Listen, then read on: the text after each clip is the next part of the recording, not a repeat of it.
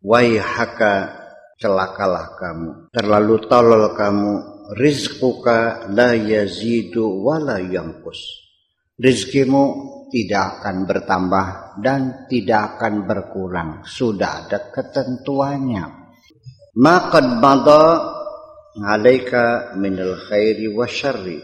Apa pun yang telah lalu, apa pun baik kebaikan ataupun keburukan la buddha tidak bisa dihindari min majihi pasti datang apa pun yang telah diputuskan Allah engkau akan dapat rezeki atau akan dapat celaka tunggu saatnya pasti terjadi dan tepat waktu dan tidak bisa dihindari. Fala tastaghil bi syai'in qad farigha minhu.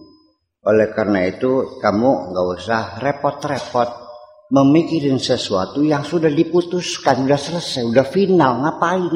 Sudah final kok, tinggal nunggu aja nanti juga datang.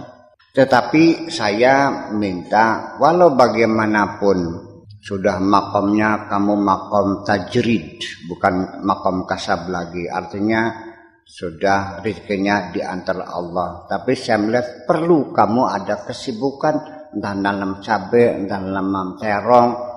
Wastaghil bi ta'atihi yang penting sudah sibukkan dirimu mentaati Tuhanmu.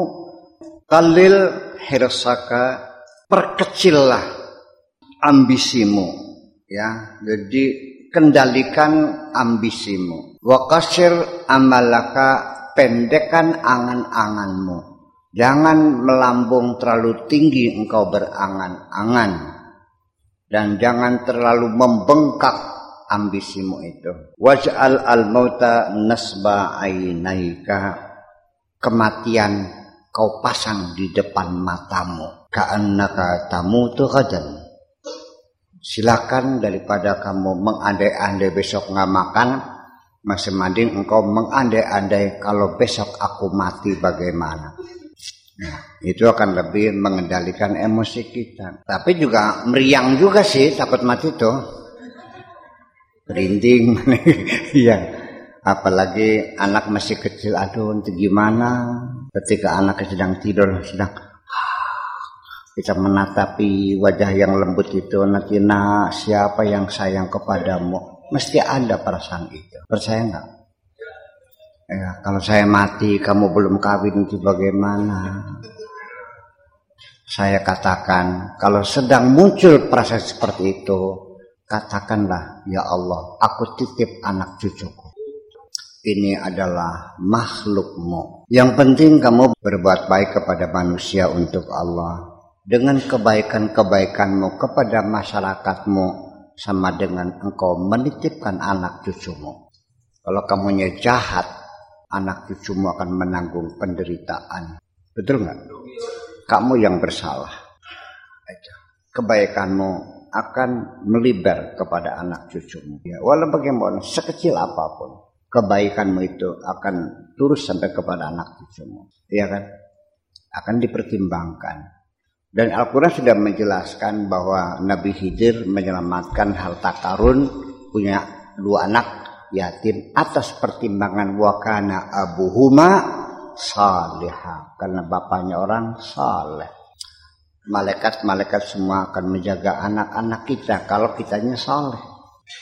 Wakad aflahta kalau kamu bisa begitu selalu dalam keadaan sadar diri bahwa kematian kapan saja datang ya kamu silakan berandai-andai kalau besok mati kalau nanti sore mati.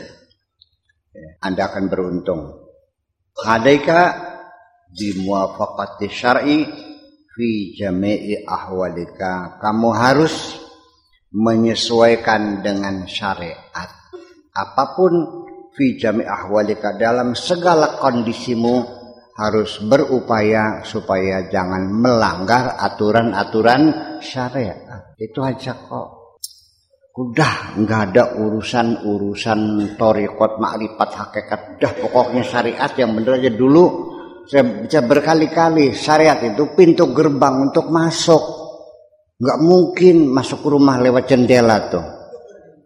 Bisa, tapi siapa yang masuk lewat jendela? Jadi siapa pun yang masuk makrifat torekot tanpa syariat sama dengan